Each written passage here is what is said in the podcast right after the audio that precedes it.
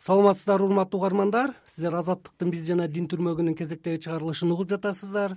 Бүгүнкү биздин коногубуз теолог уланбек калмырза уулу берүүнү мен канатбек мырзахалилов алып барам. Биз жана дин. Мына акыркы жылдарда динди карманган адамдардын саны туруктуу өсүп жаткандыгын тажрыйба көрсөтүп келет. Диний практика өзгөчө жаштар арасында актуалдашып диндар жаштардын санынын өсүүсү байкалууда ошол эле учурда орто жаштагы улгайган курактагы адамдар анчалык динге берилген эмес. Бул тенденция көбүн эсе кандай себептердин негизинде ишке ашууда? Кыргызстан э, жетимиш жылдан ашык э, сссрдин э, ичинде курамында жашап өттү. Ал жерде коммунисттик идеологиянын негизинде жашады. Анан ошол учурда төрөлгөн билим алган биздин агаларыбыз мекендеш улгайган адамдар дын э, ошондой э, ошол убакта билим алгандыктан аларда албетте динге бир аз э, узагыраак билим алгандыктан ошондой нерсе байкалат. Ал эми эгемендүүлүк алгандан кийин отуз жылдан бери бизге эркиндик берилди. Бул учурда биздин жаштарыбыз анын ичинде кыргызстандан анан чет өлкөдөн билим алып өзүнүн диндарлашуу процесси башталды десек болот диний практикалоо башталды десе болот. Бирок ошол эле мезгилде бул дин социологиясында бул диндарлашуунун өзүнүн квалификациялары бар да. Эгерде ошол жерге салып көрсөк бул аябай эле диндарлашып кетүүнүн биз айта албайбыз да. Биз орточо деңгээлде э, бир жаштардын арасында диндарлашуу же диний э, ритуалдарды практикалоонун бир активдештигин байкайбыз да. Жүз жылда жер жаңы элүү жылда эл жаңы дегендей ар бир муун э, жийрек кылым алмашкандан кийин мындай нерсе байкала берет деги эле мына динди практикаланган атеисттик же агностикалык көз карашты карманган жаштардын арасындагы мамиле кандай өңүттө жүрүп жатат? Бул жерде э, э, жалпысынан бизде кыргызстандын абалында өтө эле агрессивдүү өтө эле бири бирин жек көргөндү биз э, байкабай эленмин бирок албетте жыл сайын кээ бир бир иш чаралар бар кээ бир окуяларда ошол теманын айланасында бири бирин доомат тартуу же бири бирине акарат кылуу бир нерселерин байкасак болот бул жерде деле эки тарапты карасак болот. Э, биздин э, ошол дин тутунгандар дагы дин тутунбаган же башка диндеги э, өкүлдөр дагы толеранттуу болбогондуктан өздөрүнүн башка ишенимдегилерге же башка диндеги адамдарга баягы сый урмат алардын ишеними менен алардын эркиндиктерине сый урмат менен мамиле кылбагандыгынан улам келип чыгып атат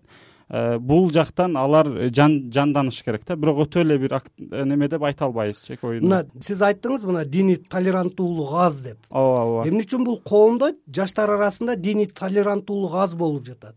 Бул кайсы факторлорго байланыштуу? Бул диний билим берүүгөбү же ушул түшүндүрүү иштеринин аздыгынабы? Э, бул жерде албетте билим диний билимдин диний сабаттуулуктун азыраак болуусунан э, байкалат. Бул жерде э, мындай түшүнүк бар да баардык диндеги адамдар деле менин ишенимим же мен тутун мен карманган пикир жалгыз гана ушул акыйкат деген бир пикирди карманып алып аткандыгында да бул пикирге эмнеден улам келишет? Алар окубагандыктан китеп окубагандыктан жаңыланбагандыктан өзү билим албагандыктан ушундай бир пикирди кармап ошол гана акыйкат деп туруп алгандыгынан келип чыгат да. Мындан чыгуунун жолу бул бир гана илим билим окуу гана гана чыгара алат да. Биз жана дин. Биз жана дин түрдүү радикалдуу топтордун өкүлдөрү өз диний көз караштарына үгүттөө жана тарапташтарды азгыруу үчүн интернет аянтчаларды социалдык тармактарды активдүү пайдаланып онлайн топторду түзүшөт. Студенттерди болсо айрым диний жамааттар жатакана тамак аш менен камсыздап өз катарына тартып жатышат. Диний сабаттуулуктун баягы сиз жогоруда айткан төмөндүгү мамлекеттеги ыраттуу жаштар саясатынын жоктугу аларды түрдүү багыттагы диний уюмдардын катарына кирип кетүүгө өбөлгө түзүп жатат. Эмне үчүн жаштар ушул радикалдуу топтордун катарына кирип кетип жатат. Ооба э, менимче булардын эң башында бул э, өлкөдөгү э, жумушсуздук жакырчылыктын себебинен десек болот да баардыгы эле экономикалык өлкөдө экономикалык абал төмөндүгүнөн болот десек болот. Бул эң негизги нерсе анан бул миграция ички миграция дагы бул өзгөчө себеп болот анан э, испаниялык бир социологдун бир изилдөөсүндө ушундай радикалдашып кеткен адамдарга бир изилдөө кылганда ал жерде мээрим көрбөгөн табиятынан аябай оор адамдар дагы радикалдашууга көбүрөөк ийилген болуп эсептелет да. Ал эми ошол нерселердин кыргызстанда албетте бизде болуп жатат. Бизде мисалы эгемендүүлүктү алгандан бери э, биздин э, жарандарыбыз мигрант болуп чет өлкөгө кетип калып атат. Алардын э, бала чакасы кыргызстанда калып калып атышат да. Анан ушундай улам ар кандай багыттарга кирип кетип атат. Анан дагы бир негизги себеп бул. Өзүңүз байкагандай эле бизде мектептерде эч кандай диний маалымат албагандыктан он алты он алты он сегиз жаштан кийин Э, бир каалаган бир диний агым болсо алар ошол гана туура деп ошол жака кирип кетип атат да. э, бунун чечүүнүн жолу бул мектептерден баштап эле дин таануу же диндер тарыхы деген бир сабактын кирүүсү же ушундай маалыматты берүүсү менен э, жоюлат деп ойлойбуз. Жаштардын ушул радикалдуу диний агымдарга кирип кетүүсүнүн алдын алуу бир гана ушул билим менен чектелет деп ойлойсузбу? Албетте албетте э, бул жерде э, билим менен чектелет. Анан мамлекет өзүнүн жарандарына диний билимди э, өзү бергенде гана бул нерсе алдын алат же азаят деп айта алабыз себеби эгерде сен мамлекет жарандарына диний билим берүүнү диний муктаждыктарын өзү камсыздап бербесе башка бир туура эмес. Кыргызстандын коопсуздугуна кыргызстандагы элдердин каада салт маданиятына каршы болгон ар кандай туура эмес салттуу эмес агымдардын же болбосо радикалдуу агымдардын э, пикирлери алардын башына куюлуп калат да. Анан дагы бир нерсе мына өзгөчө айтып атпайсызбы радикалдуу жаш эмнеден он алты он сегиз жаштан алар ким ошо ага чейин маалымат болбогондуктан ким биринчи э, маалыматты мээсине куйса ошол гана акыйкат деп кетип калып атат да. Демек аларды мамлекет өзү көзөмөлдөш керек. Бул жерде теология факультеттерин өзгөчө жана теология колледжинин өзгөчө бир орду бар. Жана ошолорду пайдаланыш керек да. Аларга сабак берүүдө аларга э, диний билимди диний агартууну берүүдөчү.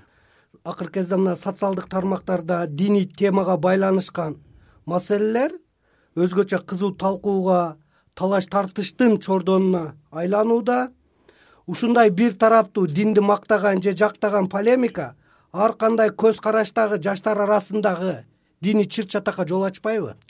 Ооба эгерде ушул темп менен эч кандай биз э, кийлигишүү же алдын алуу же агартуу иштерин кылбасак эч ким кепилдик бере албайт бул ушул моюнда калат депчи. Бул албетте сиз айткандай э, бир чоң бир чыр чатактын башы болуп калышы мүмкүн да.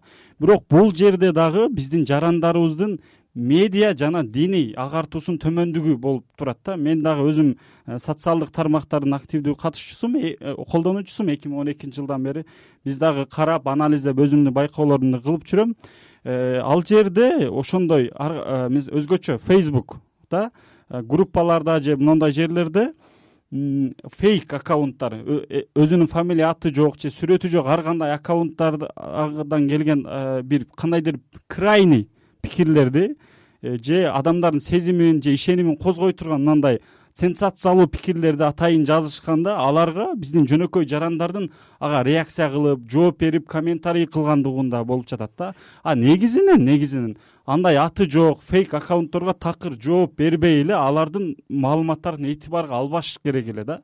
Бирок кайрадан эле биздин э, биздин жарандар тилекке каршы ошол Э, немеге? Чуңкурга түшүп калып атат да. Бул медиа сабаттуулук сабаттуулуктун аздыгынан жана ошол берип аткан крайний пикирлерди дагы өзүнүн диний агартуу аз болгондуктан ушундай жолго түшүп кетип атат мына сөзүңүздө сиз айттыңыз киришүү керек деп. Буга ким киришиш керек эми? Мамлекет киришкен болсо анда баягы э, дин эркиндиги башка адам укуктарына чектөө болуп калабы. Ким киришип ким чечиши керек бул маселени э, бул жерде э, мен э, албетте бул жерде чектөө менен тыюу салып коюу менен мунун чечүүнүн э, чечүү болбойт деп ойлойм.